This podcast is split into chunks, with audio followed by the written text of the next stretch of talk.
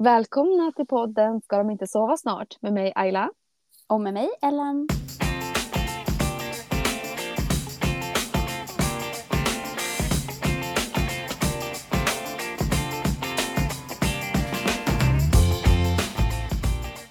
Hur är läget då Ellen? Det är bra med mig. Hur är det med dig? Jo men det är bara bra. Mycket men bra. Jag känner att du måste ju börja med, det är du som har börjat jobba och allting liksom. Dra det. Dra det från början. Ah, vad ska jag säga? Jag har börjat på ett nytt jobb som eh, innebär, alltså det är en helt annan tjänst. Och eh, Adis är föräldraledig med båda barnen fortfarande. Vi ska snart skola in Aston. Um, vad mer? Jo men alltså det har hänt ganska mycket känns det som. Eh, jag har börjat komma in mer i jobbet och det känns ju som att Eh, ja, men jag hittar li lite mer det jag ska göra och liksom mina rutiner.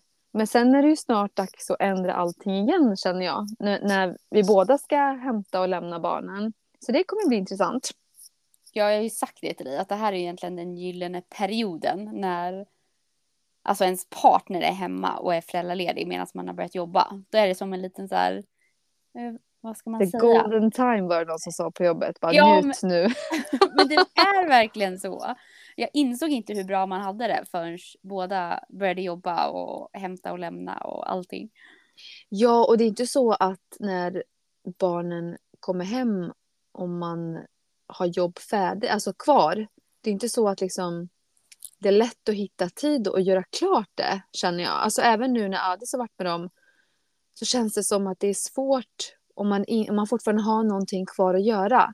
För man är ganska, ganska trött sen på kvällen när man har liksom kommit hem och sen ska man köra alla de här rutinerna som man har och sen liksom när de har lagt sig då är man ju inte jättesugen på att plocka fram datorn och börja jobba igen. Och så är man kanske inte helt så klar i huvudet då heller. Nej. Jag vet inte vad du tänker. Nej, men vi pratade ju om det precis, just det här med att man, det är olika typer av trötthet. Att man är jättetrött eh, på ett sätt när man är, eh, har börjat jobba igen, men sen är det en annan typ av trötthet när man varit föräldraledig. Så det är liksom på olika sätt. Ja, alltså verkligen. Och jag är mer, alltså, mer typ, vad ska man säga, energisk nu när jag kommer hem från jobbet. Och då är jag också väldigt glad att se barnen, för då har jag inte varit med dem på hela dagen. Och jag känner så här, jag har jättemycket energi och peppad och kanske hittar på någonting. Och ja, men vi ska äta nu och vi ska göra det här och jag frågar hur dagen har varit och ser man att Adis är helt slut. Och jag är ju också slut, alltså jag är också trött. Bara att det är mer mentalt istället för, jag har fortfarande liksom energin i kroppen. Eh, så det har jag märkt är en stor skillnad. Du bara, Eh, var det men- så där jag såg ut när han Ja. kom hem från jobbet? Men det känns också som att man, man när man inte längre är på, alltså i hemmet hela dagen. Om man har sett någonting under dagen. Dels så får man ju lite energi av att byta rum och liksom byta miljö. Det tror jag, i alla fall jag. Ma- Man ser också på hemmet på ett annat sätt. För nu kan jag komma hem och bara, men gud vad det är stökigt så här, med leksaker överallt och så. Men jag kanske inte såg det på samma sätt när jag själv var hemma hela tiden. För då är man ju i det hela tiden. Mm. Men jag känner också typ att eftersom jag ändå var föräldraledig så mycket längre än vad han har varit nu och kommer vara så har jag verkligen förståelse för hur det är att vara hemma. Alltså man har en helt annan, man vet ju att så här, ja men jag, han har plockat upp de här grejerna fem gånger idag men det spelar ändå ingen roll. De kommer Mm. ändå, kommer ändå liksom ligga där om fem minuter så det är typ ingen idé. Så vi, man kanske får röja lite på kvällen om man orkar. Jag ju somnade ju igår med eh, med Adrian när jag nattade honom. Och sen gick jag upp en kort stund.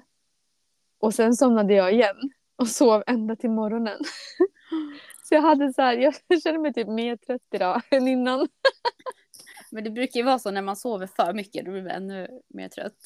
Det blir så här bakslag. Vi har gått från att liksom klaga från att vi inte får sova och barnen aldrig sover till att vi, så här, vi sover för mycket nu. vi är så trötta men- för vi sover för mycket. Alltså det, jag tror att det där, jag tror att det är någon så svår balans. Man måste, man måste komma in i det. Och jag menar, det, alltså nu är facit i hand. Så det känns skönt också att när jag ändå har börjat ett nytt jobb eller ny tjänst. Att Adis har varit hemma. Alltså det har varit bra. Jag vet inte om du kände så också, för det var ju lite så för dig också. Ja. Jo, men så är det. Och speciellt även fast nu vi kanske har ett schema, vem som hämtar och lämnar och om allt funkar som du ska, då funkar det ju bra. Men det är ju inte ofta det är liksom en hel vecka när allting bara klaffar, för det är ju någon som är sjuk, eh, antingen är vi sjuka eller så är barnen sjuka, eller så är det något eh, något BVC-besök eller någonting liksom som stör i schemat och då liksom får man inte ihop det riktigt. Eh, och på samma sätt, alltså det problemet hade man ju inte då när eh, Jesper var hemma till exempel. För då liksom blev det per automatik att han tog det. Så man behövde inte ens tänka på det. Nej, men jag, jag förstår det. Alltså jag är lite sådär, undrar hur det kommer gå. Jag, jag skjuter det lite grann framåt känner jag. Men, det är eh, framtida Ayla-problem. Har jag berättat det som hände med Aston? Berätta. Nej, men egentligen skulle vi ha påbörjat hans inskolning lite sporadiskt tidigare. Men eh, ganska kort där innan så um, var det en eftermiddag när jag eh, jobbade hemma och så hör jag bara hur han börjar gråta ute i vardagsrummet. Då går jag ut, så att han gråter. Jag känner ju, jag vet inte om det är någon så instinkt man har, men bara det här är liksom inte så han brukar reagera. Och han är ingen så här jättegråtig bebis, så att han gråter liksom inte för allt. Och men han slutade inte gråta och jag bara kände, nej men någonting är fel. Han hade bara ramlat på golvet. Vi fattade liksom ingenting. Så vi eh, vi kollade igenom så hela kroppen och huvudet. Bara, nej, men vi hittade ingenting. Det är liksom inte rött någonstans. Och så ska jag släppa ner honom på golvet. Och då vill inte han stå upp. Han bara lyfter ett av benen, eller ett av benet då, hela tiden. Och då var jag så här, men tänk så är det någonting med hans ben. För han vill inte ställa sig. Så då kände vi lite på det och då skrek han verkligen till. Och då var vi så här, nej men då, vi måste åka in. Så vi åkte in eh, och jag satt där med honom och han, han liksom var... Han bara, nej men alltså, han satt i vagnen så var det lugnt. Och sen så fort han typ rörde benet lite grann så bara skrek han till och började gråta. Men lille. Ja, det var verkligen det var jättejobbigt för man visste ju liksom inte vad det var som hade hänt och vi fattade liksom inte för det var inget blåmärke, inget rött, inget sår, ingenting. Och det är jobbigt när man liksom inte kanske såg exakt vad som hände. För då är det så här, men vad hände egentligen? Men man inte kan liksom se det framför sig riktigt. Nej, och det värsta är också så att även om Addis var precis där i närheten så hände ju det här på en sekund. Och han var så här, men jag såg ju liksom att han var där och sen bara plötsligt så ramlade han och han såg inte själva fallet. Och det där är ju så himla lätt hänt. Alltså tänk själv hur många scenarion det har varit när man har sagt det här hade kunnat gå riktigt illa men så gör det inte det. Nej men så är det en sån liten grej. Eh, som man tror så här, men det där var nog lugnt. Och så kanske det gör, ja men så att det alltså, är mycket värre än vad man tror. Det kan vara så olika. Ja men vi fattade ingenting. Nu i efterhand tror vi att han kanske har typ trampat snett eller någonting. För det finns liksom inga blåmärken eller någonting, inget sår. Men det som händer då är att de kollar igenom allting. Eh, hittar ingenting på akuten men säger så här, han är ganska liten så vi, vi röntgar för säkerhets skull. Eh, så då röntgar de Eh, på röntgen säger de nej men vi hittar ingenting. Skickar hem. Eh, då byt, jag hade gjort ett byte för då hade jag varit där rätt många timmar med honom och sen gjorde han det av med röntgen. Så kom de hem och bara nej men det är ingenting, han får sova hemma och sådär och behöver inte göra någonting. Okej, okay, sov han den natten och det gick bra. Eh, och sen på morgonen då så ringer läkaren. Och då är man så här okej, okay. ja de bara ni måste komma tillbaka. För då har de alltså hittat någonting när de har tittat på röntgenbilderna igen. Och det är ingen, ingenting brutet, för då hade man ju sett det första kvällen. Och det var ingen spricka, för då hade man också sett det. Utan då hittar de en pytteliten rispa, kallar de det, på vadbenet. Så det är någonting på vadbenet som är pyttelitet som de har missat då på kvällen. Mm. Och då är de så här, men om han fortfarande inte kan stå upp så måste ni komma in. Eh, så kom in så fort ni kan. Och så gjorde vi det såklart. Och... För då kunde han inte stå alltså, på nej, morgonen? Nej, nej han mm. kunde inte. Han kunde, han kunde krypa men inte stå. Eh, och då, då åkte de in. Eh, och så visade det sig då att nej, men, det är någonting där. Men det är så pass litet så det var lite sådär svårt att avgöra vad man skulle göra. Och han är ju väldigt liten. Eh, då var han ju precis liksom 15 månader. Men då bestämmer de sig för att eh, gipsa. Och det var ju jättejobbigt för, för honom och för oss. Alltså så liten, man kan, kan inte förklara vad som har hänt. Han har ju liksom sprungit runt, klättrat runt överallt. Så plötsligt så har han lite gips som man bara försöker få av. Och vi visste inte hur lång tid de skulle, alltså det skulle vara på. Men vi fick en så här kallelse snabbt och kollade det här veckan efter. Då tänkte vi yes, men han kanske bara behöver ha det i en vecka. Nej, det blev ju tre veckor. Däremot så tyckte de att han kunde börja stödja på det. Och ganska snabbt därefter när veckan gick så började han springa runt med det här gipset, vilket är så här, alltså egentligen fantastiskt. För barn har ju inte det här konsekvenstänket som vi har. Nej, och jag tänker bara, gud vad de, men alltså vad han anpassar sig snabbt. Ja, alltså det var helt sjukt. För först så bara kröp han runt och sen gick, efter några dagar så började han så här ställa sig upp mot bordet och så igen och så här mot olika ställen. Och sen började han stå och sen bara började han springa med det. Och vi var så här, men gud, alltså det måste ju vara så jobbigt att springa med det här gipset. Men han, han bara liksom körde på. Och sen tog vi av det då. Och, och då var han väl lite så här, lite osäker någon timme där liksom först. Det var ju konstigt då. Han har ju haft på det här i tre veckor och anpassat sig. Och då har han plötsligt tagit av det. Ja, men nu har det gått två veckor exakt faktiskt. Sen han eh, tog av gipset och jag tycker inte man tänker så mycket på det längre. Att han, han springer jättefort nu så att nu är det verkligen sådär att vet man inte om det då ser man det nog inte. Och vi har ju skolat in Edvin nu. Hur känns det då? Nu känns det jättebra när vi är på andra sidan. Ja, men um, under tiden då? men jag, jag tror jag var rätt så här cool tycker jag själv inför inskolningen. ja men det var här... du, det tycker jag att du var. Jag ja, jag du var det, det även i podden, att du var så här, han är så redo. ja men jag var så här, men det där kommer gå bra och det här är andra gången och bla bla bla. Men nej, det var ju jobbigare än vad jag trodde.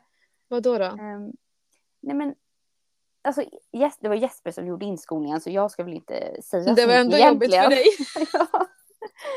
Men eh, alltså det gick jättebra och han, eh, alltså han kom in i det jättefort liksom och sådär. Eh, så liksom hela inskolningen gick i, i, sig väldigt bra. Men sen sista dagen på hans, liksom när vi skulle lämna honom själv, då fick han magsjuka. Nej. Ja, så det var så här direkt, han började förskola så blev han, så blev han sjuk. Så vi var hemma eh, ett tag innan han började tillbaka. Så då var det lite som att så här, man började om lite. Um, och då när jag skulle lämna och jag var inte beredd på att han skulle vara så ledsen. Uh, jag glömde alltså glömde bort att, hur det var med Ester också, för hon var ju också så där ledsen i början, men det är som att jag förträngde. Men just den här känslan att så här, lämna honom och han är så ledsen och bara titta på en typ som att så här, han ser den in i ögonen och bara, nu sviker du mig. mig. ja, nu lämnar du mig här liksom. Och jag bara, ja. Plus då är man kanske stressad eller jag liksom stressar till bussen för jag måste in till jobbet för man har något möte. Så att det blir så här, ja ah, det är så svårt liksom, får man dåligt samvete för att man liksom, ja ah, en dålig mamma som bara överger sitt barn och så för att man måste in till jobbet. Och ja, det är bara många känslor på samma gång. Men när vi nu, nu, alltså för det här var ju, vi skulle ju in i mitten på januari, så nu är det ju ett tag sedan. Så nu har vi ändå kommit in i det och nu är han jätteglad när man lämnar och han går in av sig själv och är trygg liksom med alla pedagogerna och sådär. Så nu känns det jättebra, men det var lite, lite tufft där ett tag. Men det, det var inte så att han ändå var alltså, lugn när han såg att Ester också var där? Nej, inte så. Nu kan jag verkligen se att de så här, han, när hon springer in, då springer han in liksom. Att han ser att hon är trygg så märker jag att han också känner så.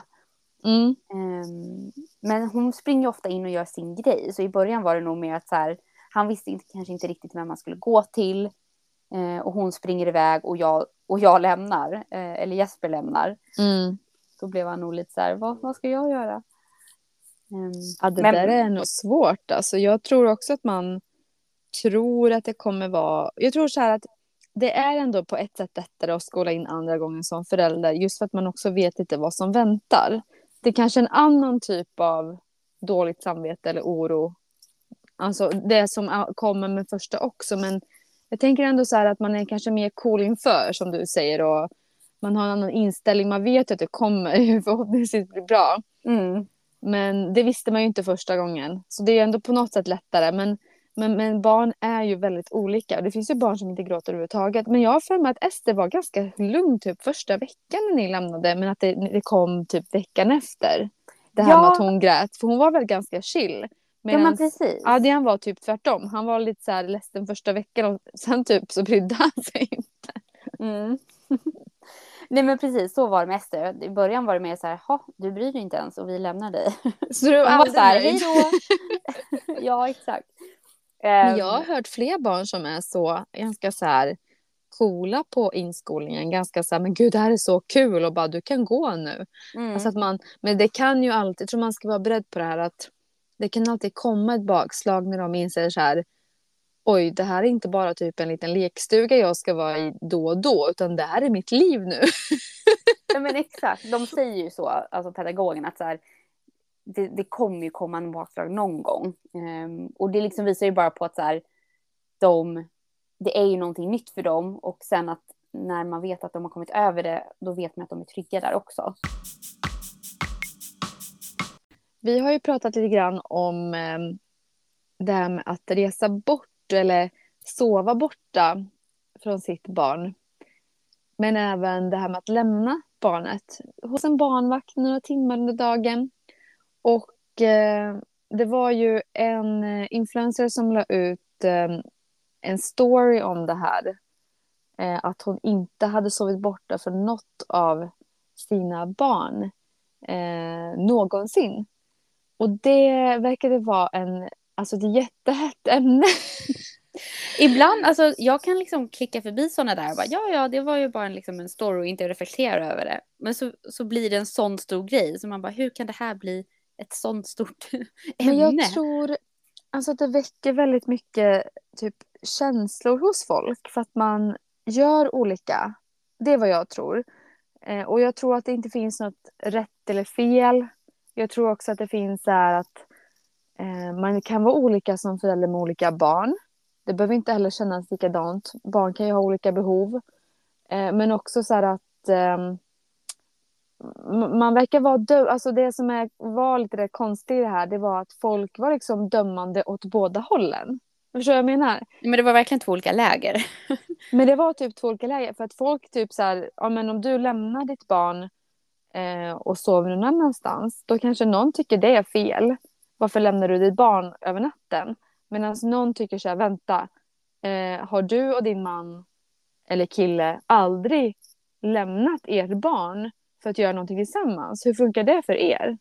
Typ så här, vadå, varför har du inte lämnat ditt barn? Det är som att det blir så här, vad du än gör så är det någon som tycker att det är helt fel.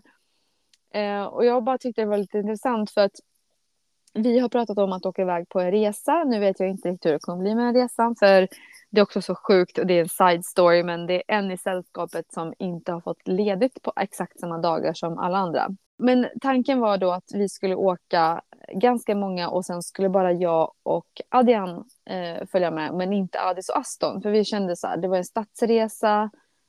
Kommer det vara kul för en ah, 16 månader är han ju nu men då kommer han vara 18 månader. Kommer det vara kul för honom eh, ett och ett halvt år sitta i en vagn i typ fyra dagar? Nej, det kommer det inte. Det känns liksom inte som att det finns några aktiviteter Ehm, för honom och det är ett större sällskap och då är det också lite svårt att så här, anpassa. Om man bara är familjen så kan man ju tänka men vi gör någonting som båda bara tycker är kul. Men nu är det liksom flera andra människor så då tyckte vi att det känns lite svårt. Och då tyckte, ju började jag känna ju mer vi närmar oss nu att så här, gud vad jobbigt det kommer kännas att lämna Aston. Och det är för att jag har ju aldrig lämnat Adrian heller. Ja men för var, du har aldrig sovit borta från Adrian? En natt har jag sovit borta från Adrian. Det var när jag var på BB och födde Aston. och då hade jag inte dåligt samvete. Nej, då, då känns det som att det kanske inte fanns så mycket val. Nej, och det kändes liksom också så här att eh, det hade jag liksom det kändes okej. Jag visste också att min mamma var hemma hos oss. Att han var liksom i sin trygga miljö Mm. med min mamma som han var trygg med. Och de eh, liksom hade det jättebra. Och vi åkte ju liksom på dagen och sen kom vi tillbaka. Vi var inte borta ett helt dygn ens. Egentligen så är det inte så lång tid. Men var det här alltså ett, ett medvetet val att, du, att ni, alltså du inte hade sovit borta någonting? Eller var det mer bara så att det var liksom aldrig något tillfälle eller du kände aldrig något behov? Alltså eller? jag tror typ, det, vi har, har nog inte tänkt på det så att det är ett medvetet val. Men dels har det varit pandemi, alltså han ammade ju för det första i 11 och en halv månad. Så det var ju väldigt svårt att sova borta då. Om, om, och dessutom tog han ingen flaska. Så det, det var ju nummer ett begränsning. Mm. Då, då går det ju inte. Man kan vara borta under dagen då när han slutar amma på dagen. Men inte på, eh, inte på natten. Eh, och det var ju kanske nummer ett då under första året. Men sen när han ändå hade fyllt ett år då och inte ammade längre. Då hade man ju kunnat sova borta. Nej men då var det ju pandemi. Det var liksom mitt i pandemin, ganska jobbig pandemi då när allt var liksom stängt och folk kanske inte riktigt tog sig ut och gjorde så mycket grejer. Och det tror jag bidrog till det.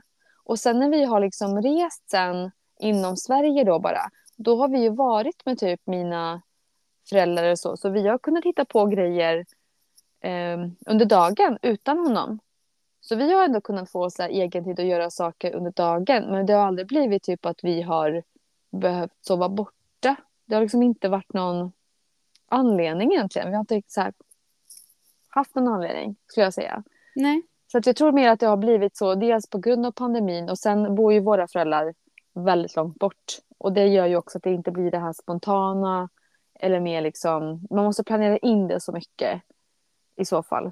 Och sen, sen var jag ju gravid och eh, Aston kom och då blir det ju återigen liksom samma sak. Att då har man ett barn som ammar. Jag tror att hade till exempel mamma och pappa bott nära här då hade han säkert velat typ sova över där och vi hade aldrig sagt någonting. Då hade det varit så här, ja men gör det. Men eh, nu tror jag bara att det har blivit så. Så jag har ingen så här, ingen bra förklaring. Men jag kan, jag kan tycka att det är intressant att folk kan bli så provocerade av det. Ja, eller att du känner så här, jag måste ha en förklaring till varför det är så här. För att så här, vissa kanske Ja. tycker det är konstigt att vi inte har sovit borta någonting. Ja men precis. Men sen vet jag inte om man gör saken värre också så här att det känns som en större grej då ju längre tiden går för att man inte heller har gjort det innan. Det hade kanske gått jättebra och jag tror att det hade gått jättebra att lämna honom till exempel hos mina föräldrar. För han bryr sig typ inte ens om oss när vi är där. Han vet jag vill vara med mormor och morfar. Okej, då får det vara det. Men med Aston kände jag då att han fortfarande känns väldigt liten. Och så har jag aldrig typ sovit borta från hade jag riktigt, ska jag sova borta från Aston i så många dagar, så många nätter? Mm. Det började kännas lite konstigt för mig då, för då kände jag, men gud, vad, det, vad känns lite konstigt liksom, eller jobbigt? Ehm, men sen om någon annan inte tycker det, jag lägger liksom ingen så här, då, då funkar det väl för dem. Men det börjar kännas konstigt för mig. Sen nu verkar det ju som att det kanske inte blir av den här resan, vilket också är så här, kanske en lättnad lite också, vilket känns jättekonstigt. Får man börjar- säga så här? Ja, men gud, det är klart du får säga. Och jag tänker, det, alltså, du börjar ju inte lätt heller. Det är så här, det är en, en lite längre resa, det är inte bara en natt. Du going out strong liksom. Exakt, för det tror jag om det bara hade varit en natt, då hade jag inte, då hade jag inte tänkt på det. Och sen också när det gäller Adrian så, alltså hade han, det varit han, då hade det kanske känts på ett annat sätt också, just för att han är äldre. Man kan säga så här, mamma pappa ska åka, ja, mamma ska åka hit och jag kommer om några dagar. Och han bara okej, alltså man kan ändå liksom, man kan ringa Facetime och säga vad man gör och att man ses snart. Det hade ändå kanske känts annorlunda. Vad gjorde man innan Facetime alltså? Alltså jag vet inte. Det är det Men vad- bästa. Jag vet, alltså det är Mm. faktiskt riktigt bra. Speciellt när man har så här... Kontrollbehov som vi har. Nej, nej, men mor och farföräldrar tänkte jag säga, eller syskon som bor långt bort. För då kan man ju inte se det här. Man, alltså man vill ju att barnen ska ha typ en naturlig, eller en relation med dem. Men det kanske inte blir den här dagliga, eh, naturliga kontakten hela tiden när man inte ses så ofta. Men tänker via Facetime, då ser man varandra hela tiden och då känns det inte så främmande när man väl ses. Jag tror att det Mm. bidrar till mycket. Ja, absolut. Men vad känner du då? För du, har ju, du och Jesper har ju sovit borta, eller hur? Från Ester. Mm. Och Det Edvin har då? vi. Ja, Edvin också.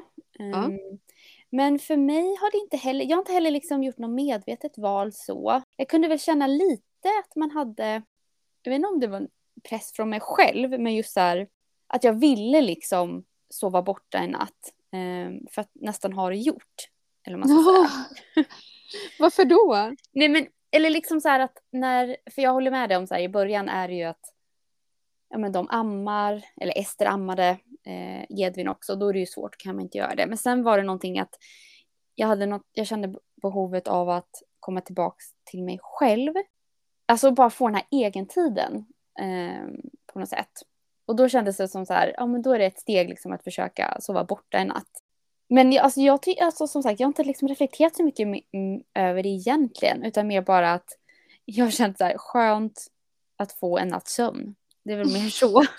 Fick ni det då när ni sov borta? Eller låg ni typ och tänkte på SD hela natten? Nej, men det fick jag faktiskt. Jag trodde mer det skulle vara så här, vakna och bara, vad händer nu? Men eh, jag kunde ändå koppla bort det rätt bra. Eh, Ester var drygt ett år eh, när vi såg borta. Men sen tycker jag det är skillnad från att jag har inte sovit borta så många alltså, nätter från Ester eh, eller Edvin där de har varit med någon annan än eh, Jesper. För mm. det har mm. varit så att jag kanske åkt iväg med jobbet eh, eller ja, med några kompisar, men då har ju oftast de varit med Jesper. Mm. Och då är jag ju så himla trygg liksom, att jag vet att han har ju koll på allting och då tycker jag inte det har varit eh, jobbigt alls. Mm. Så där är också skillnad liksom. Tänker du att det är skillnad att man lämnar till sin partner än att lämna alltså någon annan, till exempel mor och farföräldrar eller syskon? Mm. Jo men för mig, eller ja, för mig är det det tycker jag. Absolut. Just för att, ja men Jesper, alltså det är hans barn. Alltså, han har ju koll på exakt liksom eh, ja, med deras schema och allting. När jag lämnar till någon annan då är det ju liksom ett A4-sida med liksom så här, här är rutinerna, det här ska de sova. När kontrollbehovet klickar ja. in då. Exakt. Men det är intressant för Adis har ju varit eh, bortrest i jobbet och sådär.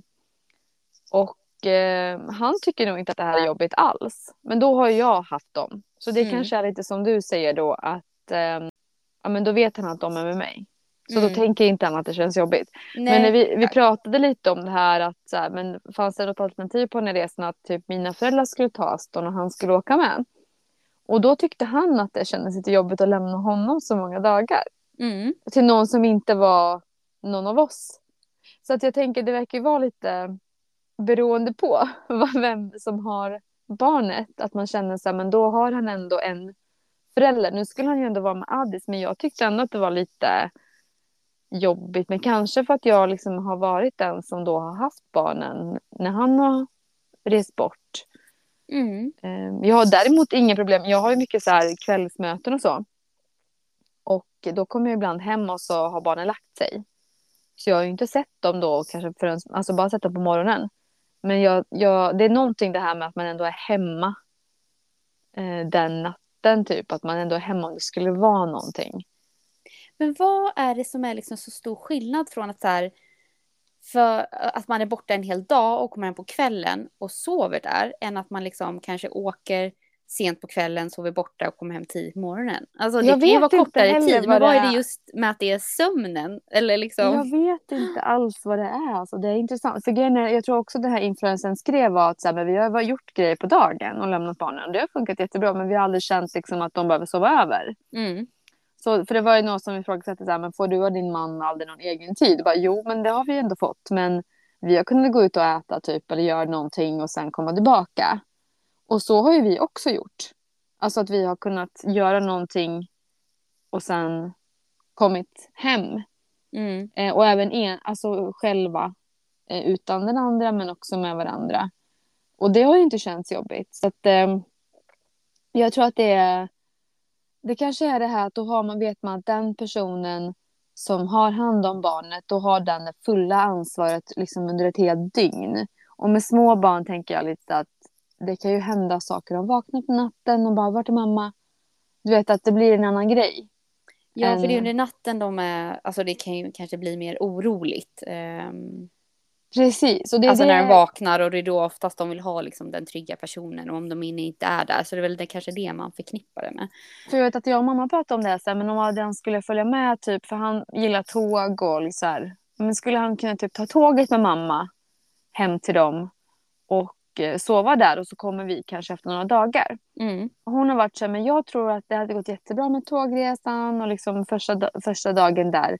Hon bara, det enda jag är orolig för liksom är, vad händer om man vaknar på natten och så är inte ni där?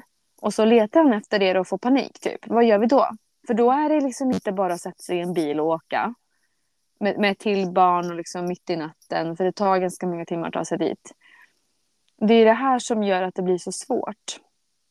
Det är då man kanske, man vill ju testa det någon gång när man är lite närmare kanske då. Så att man vet, Ja, typ man vet här att det funkar sådär. Då kanske vi hade fått typ ta in på hotell eller någonting och så får de sova hemma hos oss. Så får vi se så här, går det bra? För då kan man ändå åka in från hotellet. Jag vet inte vad man ska göra. Men det är väl lite avstånden. Alltså jag tror. Eh, man får tänka typ att folk har lite olika förutsättningar också. Det är klart att någon som bor granne med typ en mor och farförälder. Det barnet är ju där säkert hela tiden. För det blir Mm. liksom, det blir så naturligt. Och då är det inte så stor grej heller kanske att det sover över. Och det blir inte ens en fråga. Jag kan tänka mig att det är så. För då skulle det vara någonting, då är man ju där fort.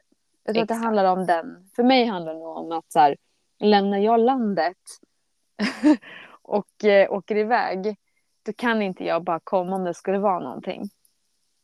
Och det känns väl kanske lite jobbigt då. Men Mm. ehm, Men då är det i alla fall Addis. då är det i alla fall han, precis. Mm. Men jag tänker att eh, man, man får väl prova smått om man känner sig att, att man vill eller måste.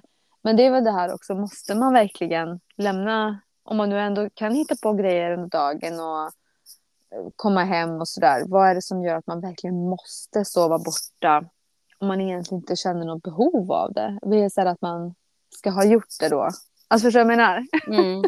Nej men det är det, det, alltså det ska väl inte vara någon press. Man måste göra det som man själv tycker känns bra. Och som sagt, vissa kanske vill ha ett behov av att vara mer, ha egen tid, sova borta och, och göra det. Och det är så här, det är fine. Och vissa vill inte det. Men tror du, alltså det här med att folk blir så provocerade. Tror du att det har att göra med att man själv känner att man har gjort andra val? Det tror jag. Alltså jag, tror att, jag tror att kan det ligga någonting i att de kanske, om det är så att någon blir upprörd för att någon har sovit borta mycket, att man känner att man själv skulle vilja göra det, men inte av någon anledning kan. Mm. Och så blir man så provocerad. Typ Av den "Fan, anledningen." Jag skulle också vilja göra det. Ja, och så typ kommer det ut med att liksom så här, nej, hur kan du göra det? Jag skulle aldrig göra det. Men åt andra hållet då, tänker jag. Så hon fick ju kritik för att eh, hon inte hade sovit borta från sina barn. Då är det någon som har sovit borta från sina barn och som kanske då känner, ja men...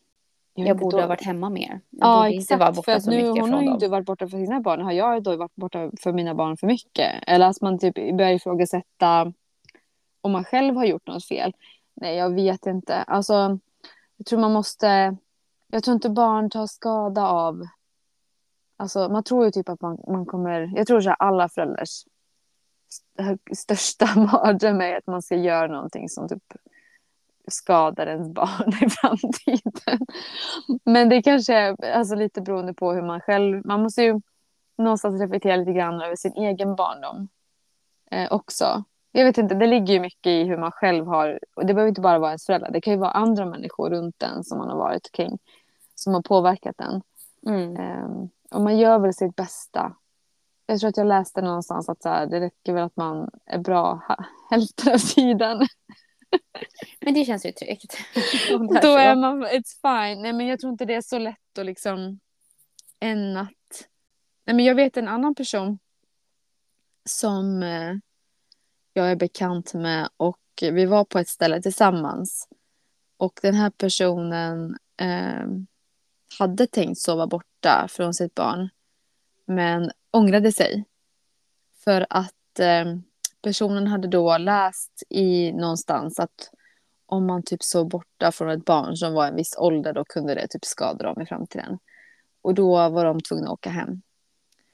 Och jag tänker att man, eh, jag tror, jag vet inte, jag är ingen forskare, men eh, det känns ändå som att det inte borde vara så.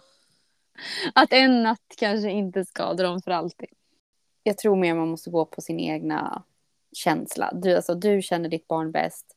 vad känns bäst för dig? För det är ju inte heller kul så här om du tvingar dig själv att åka och alltså vara borta bara för att du så här, man ska ha gjort det. Och så Nej. liksom eh, bara känns det jättejobbigt och du bara vill åka hem. Alltså Nej, men då, då, är det ingen då har mening man med det. inget kul där borta heller. Det är ju där. Nej. Då kan man ju inte slappna av och, och sådär. Nej, exakt. Så nej, man får nog liksom.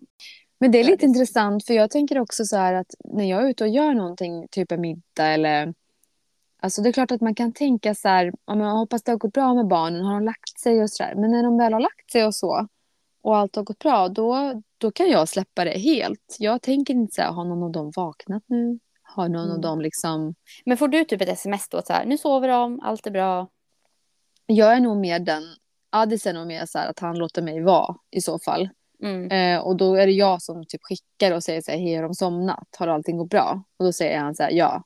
Och sen kan han vara väldigt så här fåordig. Så kommer han hem och bara, har det gått bra? Han bara, ja, ja, de somnade i tid och ingen har vaknat. Typ så. Man bara, varför har du inte sagt något? Medan liksom, för då är kanske det en trygghet för mig. Men då är jag tvärtom att om han är borta då kanske jag bara så här, barnen somnade, allt är lugnt. Så då, då behöver inte han skicka till mig. Nej men jag tänker lite så här att man, ju äldre barnen blir, alltså vi kanske kommer att lyssna på det och skratta åt oss själva om några år. För att då, då kommer typ inte veta, veta av oss. Nej, de kommer liksom sova borta hos kompisar hela tiden. De vill aldrig vara hemma.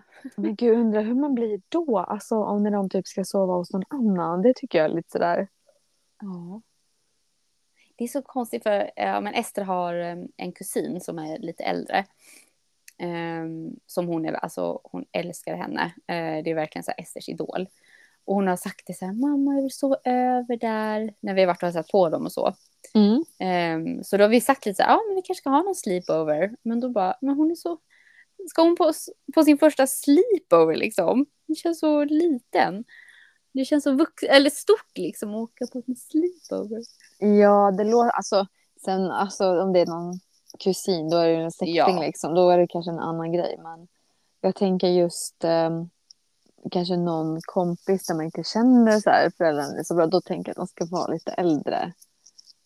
Eh, och inte så små. För jag tror också det kan bli så där att det blir lite läskigt sen. Alltså, jag vet inte, sov du över hos eh, någon kompis någon gång? Ja, gud, jag älskar det. Jag Du gjorde över. det? Jag Ja. älskade inte det. Fast Nej, att du vet, jag tror så här att jag tyckte nog att det var lite så här, vad ska man säga, men lite typ olustigt.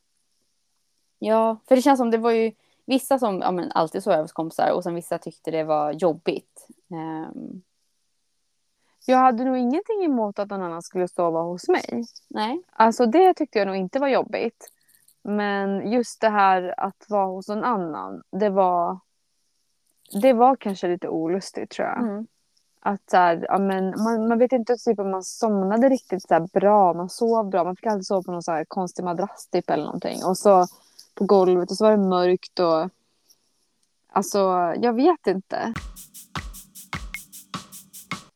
Tack för att ni har lyssnat på det här avsnittet. Vi har ju försökt spela in det här väldigt länge Ayla, så jag är bara glad att vi fick till det här idag. Ja, vi kan ju bara berätta att första kvällen vi skulle spela in då somnade Ellen. Mm. Eh, och andra kvällen vi skulle spela in då somnade jag. så nu är vi här, Nu är vi här. utvilade. Exakt. vi båda är vakna.